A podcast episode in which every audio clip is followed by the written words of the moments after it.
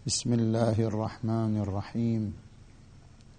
وصلى الله على محمد وآله الطيبين الطاهرين.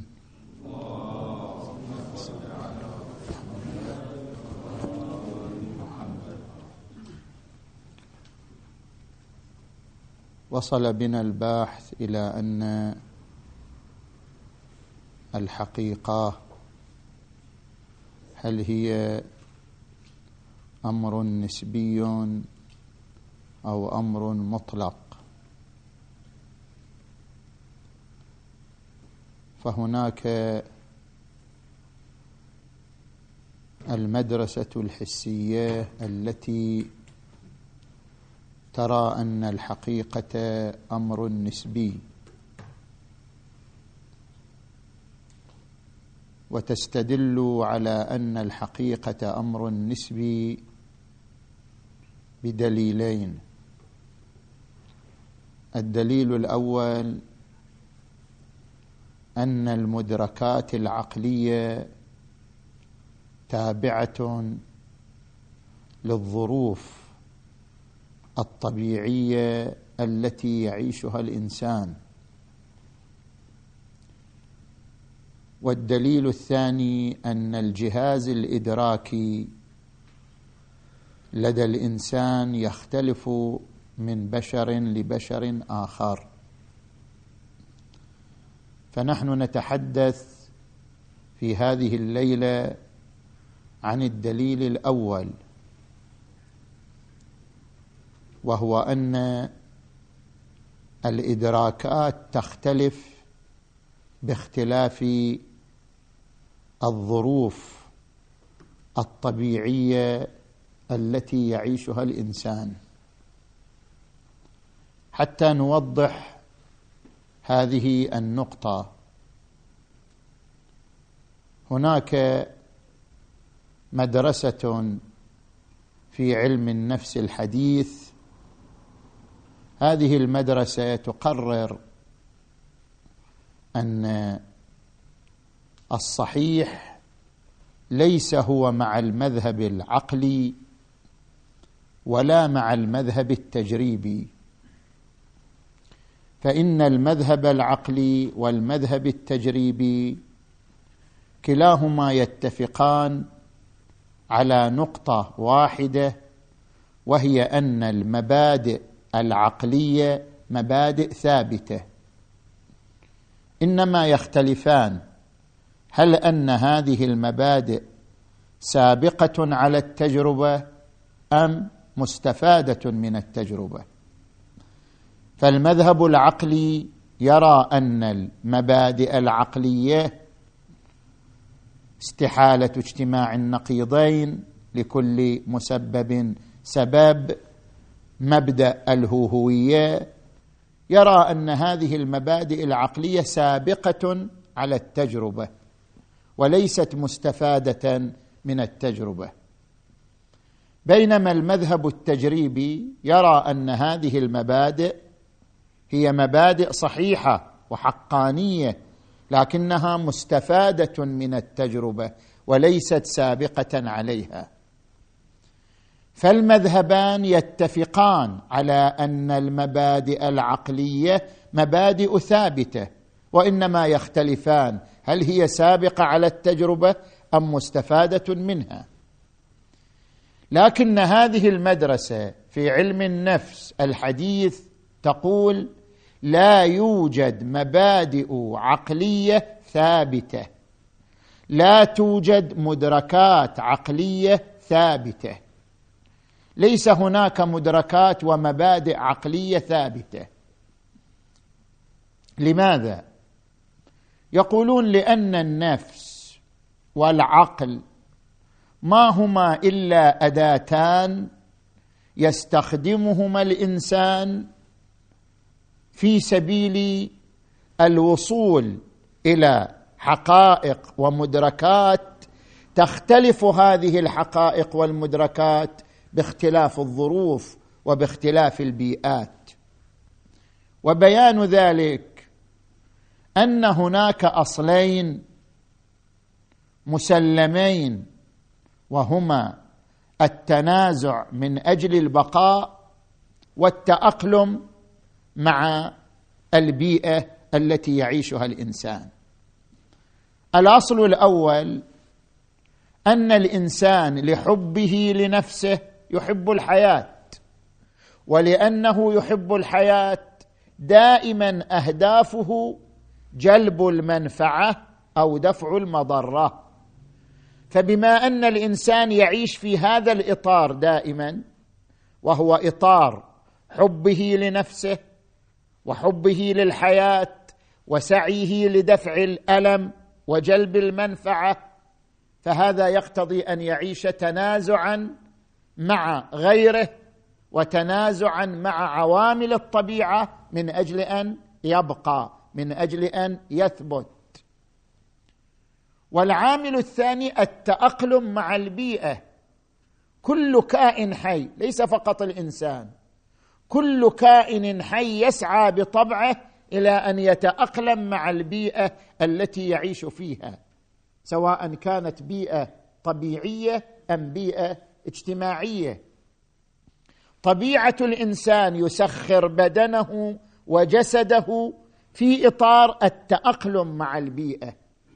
ولذلك مثلا يرى أن الكلاب القبط الكلاب القطبية التي تعيش في القطبين تختلف في بنية جسمها مع الكلاب التي تعيش مثلا في المناطق الحارة. والشجرة البرية اصلب عودا من الشجرة التي تعيش بين الخمائل وفي أوساط الغابات. كل كائن حي نباتا حيوانا إنسانا هو يمشي بطريقة تدريجية يتأقلم فيها مع البيئة التي يعيش فيها. بناء على هذين الأصلين البيولوجيين التنازع من أجل البقاء والتأقلم مع البيئة. اذا حتى الأفكار حتى المدركات تتأثر بهذين العاملين.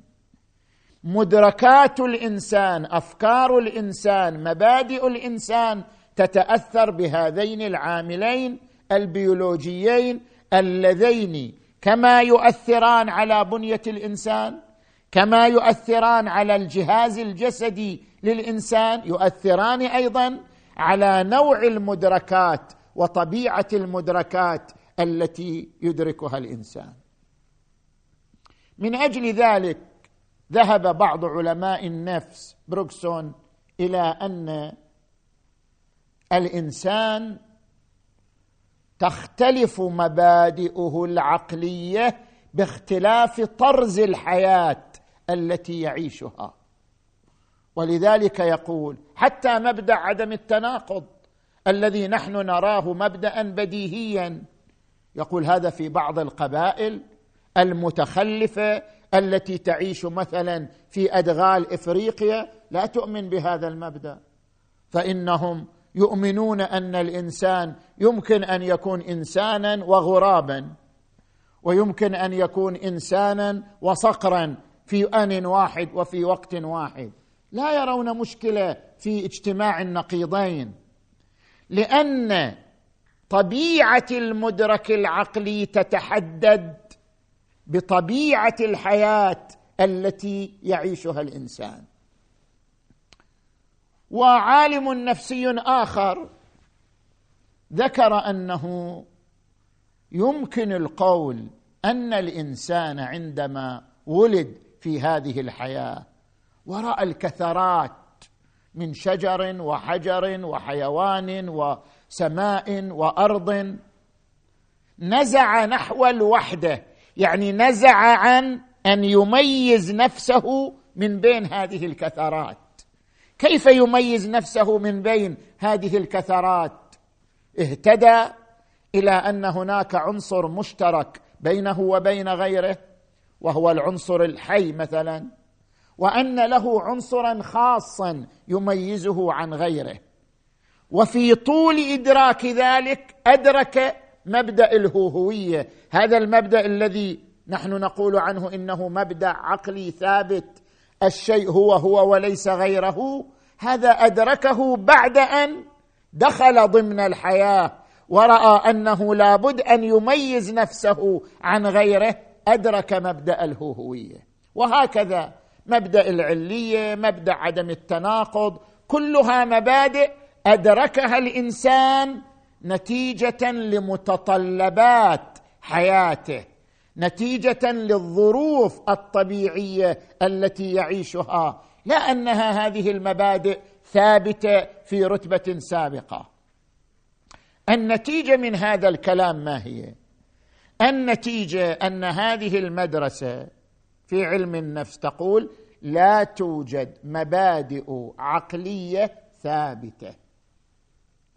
أي أن عندنا ثلاث قضايا. القضية الأولى أن جميع المدركات العقلية تنمو بشكل تدريجي مع نمو الإنسان ومع نمو ذهن الإنسان ومع نمو عقلية الإنسان. هذا اولا. والقضية الثانية أن لا توجد مبادئ ثابتة بل تختلف باختلاف الظروف الطبيعية في كل مجتمع وفي كل زمن. القضية الثالثة أن البشرية الآن يعني في المجتمع الحديث بدأت تنحو نحو الوحدة. كما يقال العالم قرية واحدة. لأن الظروف الطبيعية بدأت تتشابه وبدأت تتقارب وبدأت تتحد. لذلك بدأ المجتمع البشري ينحى نحو مفاهيم ومبادئ عقلية واحدة. لماذا؟ لأن الظروف بدأت تتشابه وتتقارب. هذا ما تقرره هذه المدرسة في علم النفس عن طبيعة نسبية الحقيقة. ليس عندنا حقيقة ثابتة ليس عندنا حقيقة مطلقة. المدرك العقلي يختلف باختلاف الظروف الطبيعية والبيئة الحياتية التي يعيشها كل إنسان أو كل مجتمع. نحن نذكر هنا ثلاث ملاحظات على هذا الوجه من الاستدلال. الملاحظة الأولى أن هذه المقالة كما ذكرنا في جلسات سابقة هذه المقالة نفسها تكذب نفسها. عندما تقرر هذه المدرسة المبادئ العقلية ليست ثابتة وإنما تختلف باختلاف الظروف الطبيعية. هل هذه المقالة نفسها تختلف أو لا تختلف؟ نفس هذه المقالة وهي أنه لا توجد مبادئ ثابتة بل المبادئ تختلف باختلاف الظروف الطبيعية. هل هذه المقالة مبدأ ثابت أم ليس مبدأ ثابت؟ هل هذه المقالة من المعارف الثابتة أم من المعارف المتغيرة؟ إذا قلتم هذه المقالة مبدأ ثابت اذا كذبت القضية نفسها لأنكم قلتم المبادئ العقلية ليست ثابتة والمفروض أن هذا المبدأ أيضا مبدأ ثابت. وإذا قلتم لا حتى هذا المبدأ الذي بنيناه على اختلاف الظروف هو مبدأ غير ثابت ومبدأ مختلف. اذا لا يصح أن يعتبر حقيقة يعول عليها في أن المدارك العقلية مدارك غير ثابتة. ونفس الكلام في عندما نسمع كلمة نسبية الحقيقة. الحقيقة نسبية. طيب هذه الكلمة هي حقيقة. نفس هذه الكلمة الحقيقة نسبية هي حقيقة. هل هي نسبية؟ أم هي ثابتة وليست نسبية؟ إذا هي نسبية لا يعول عليها. إذا هي ثابتة فهي كذبت نفسها. نأتي إلى الملاحظة الثانية. قالوا الملاحظة قالوا بأنه نعم هناك بعض القبائل التي ترى اجتماع النقيضين. وأنه يمكن للكائن الحي أن يكون إنسانا وغرابا في آن واحد. طبعا هذا بحسب التحليل العلمي خطأ في الاستنتاج. ما عندنا أن الإنسان يكون أو يعتقد في آن واحد أنه إنسان وليس بإنسان. لا وإنما طبيعة البشر لوجود عامل التلقين أو عامل تداعي المعاني أو عامل التشابه والتضاد. يؤمن بحقيقة أحيانا ثم ينقلب فيؤمن بحقيقة متغايرة. لا أنه يؤمن في آن واحد أنه إنسان ولا إنسان مع التفاته إلى الفواصل الجوهرية بين الإنسان وغيره. لا يعقل من الإنسان العاقل ولو بأدنى مراتب العقل مع التفاته إلى الفواصل الجوهرية بين الإنسان واللا إنسان أن يعتقد أنه إنسان ولا إنسان في آن واحد. هذا غير محتمل. نعم. هؤلاء يعتقدون أن لهم قدرات الإنسان من جهة وقدرات الغراب. قدرات الإنسان من جهة وقدرات الصقر من جهة. فيقولون كلتا الطبيعتين صادقتان لأن القدرات موجودة كلتا. أما أن جوهره هو جوهر إنسان ولا إنسان في آن واحد هذا غير معقول. الملاحظة الثالثة لا إشكال أن هناك قضايا ثلاث نحن نصنفها. القضية الأولى هل أن المدركات العقلية للإنسان تنمو بنمو الإنسان أم لا؟ نعم تنمو بنمو الإنسان. هذا ليس امرا منكرا ليس امرا كاذبا. ذكرنا في جلسات سابقة أن الصور التي ترد على نفس الإنسان قد تكون صور حسية يرفضها الحس كصورة الحرارة كصورة الشجر كصورة الصديق كصورة الطعام. وهناك صور يرفضها الوجدان كصورة الجوع كصورة العطش كصورة الفرح كصورة الحزن. وهناك مبادئ تصديقية تأتي من الحواس. كل ماء يغلي إذا بلغت درجة حرارته مئة. أو مبادئ تصديقية تأتي من الوجدان. مثلا أن الإنسان يمتلك مشاعرا وتفكيرا ولكن وراء ما يرفضه الحس ووراء ما ترفضه التجربة ووراء ما يرفضه الوجدان من مبادئ تصورية أو مبادئ تصديقية. وراء كل ذلك توجد مدركات عقلية هذه المدركات العقلية مدركات سابقة على التجربة سابقة على الإحساس. كما ذكرنا في جلسات سابقة أنه لا يستطيع الإنسان أن يستنبط هذه القضية كل ماء يغلي إذا بلغت درجة حرارته مئة إلا إذا آمن بمبادئ عقلية. قبل ذلك مبدأ عدم التناقض وإلا لكانت هذه النتيجة تجتمع مع نقيضها. مبدأ السببية أن لكل مسبب سبب وإلا لما آمن أن الغليان مسبب عن بلوغ درجة حرارة الماء مئة. مبدأ أن الأمثال حكمها فيما يجوز وما لا يجوز. واحد لو لم يؤمن بهذا المبدأ لما عمم هذه التجربة لكل ماء مع أنه لم يقم التجربة إلا على أفراد من الماء.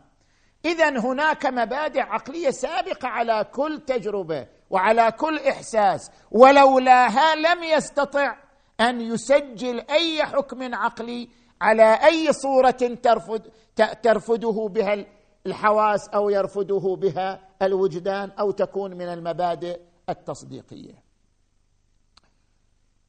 والقضية الثانية أنه هل أن الإنسان يدرك هذه المبادئ العقلية دفعة واحدة. ام أن الإنسان يخضع للتكامل يخضع للتكامل هذا أيضا لا ننكره. نظرية ملا صدرة في أن الروح مادية الحدوث روحانية البقاء إذا تأملنا في هذه النظرية هناك فرق بين عالم الأمر يعني ما وراء المادة وعالم الخلق يعني عالم المادة. لكن هذين العالمين ليسا منفصلين متصلان بل متمازجان. عالم ما وراء المادة الذي نعبر عنه بعالم الأمر. وعالم المادة الذي نحن نعيش فيه زمنا ومكانا واسبابا. العالمان متداخلان متصلان لا أن بينهما انفصال. ونتيجة هذا التواصل وهذا التمازج تتولد النفس. تتولد النفس من حركة المادة. بمعنى أن النطفة بمجرد أن تنعقد في رحم الأم هذه النطفة يتصل بها عالم الأمر. وتكون هناك مواكبة بين حركة النطفة وبين المدد من عالم الأمر. ليس بينهما انفصال هذا عالم وهذا عالم بل بينهما اتصال وتمازج. وهذه النطفة تتحرك حركة جوهرية في صميمها وهي في كل مرحلة من مراحل حركتها تصل إلى مستوى معين.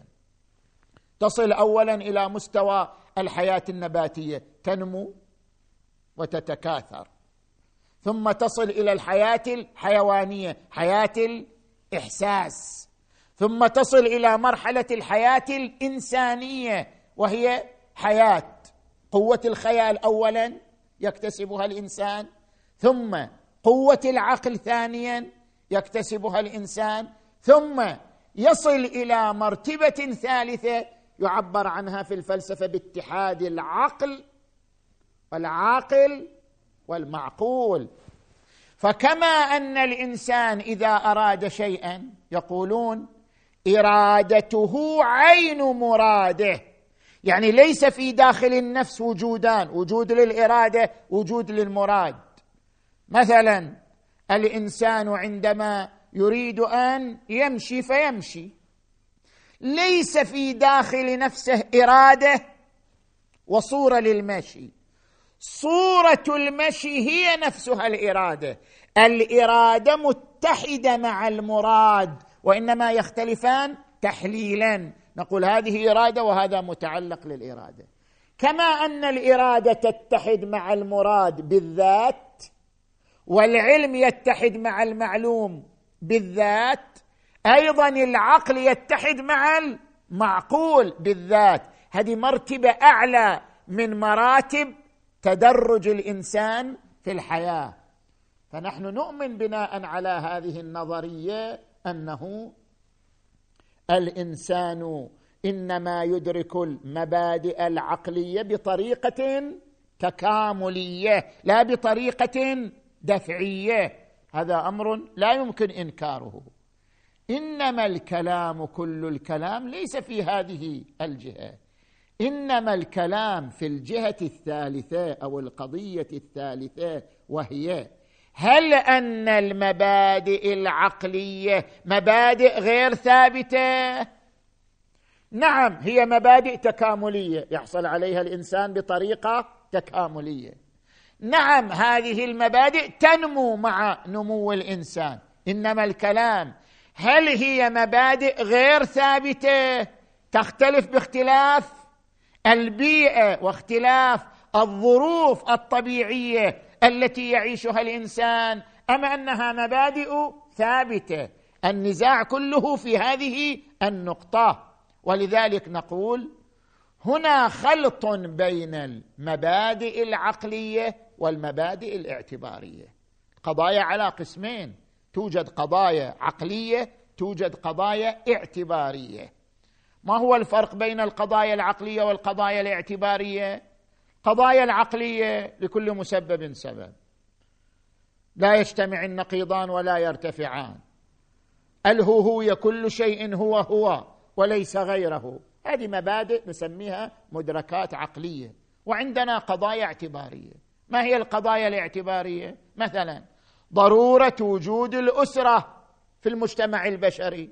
المجتمع البشري متفق على أنه لابد من وجود أسرة يعني أب وأم وذرية حتى يبقى المجتمع البشري متناسلا ومتكاملا.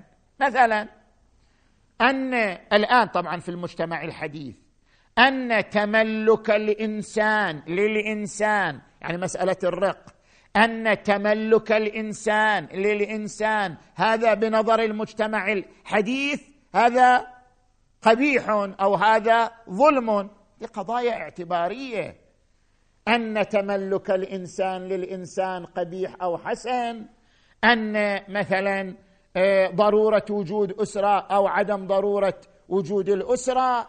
هذه تسمى قضايا اعتبارية. نعم القضايا الاعتبارية تختلف باختلاف المجتمعات وتختلف باختلاف أزمنة تطور المجتمع البشري وهذا ما نبحث عنه إن شاء الله. في جلسة قادمة حول الفرق الجوهري بين القضايا والمدركات العقلية والمدركات الاعتبارية التي تختلف باختلاف المجتمعات. الأولى قضايا ثابتة والثانية قضايا متغيرة ومختلفة. والحمد لله رب العالمين وصلى الله على محمد وآله الطيبين الطاهرين.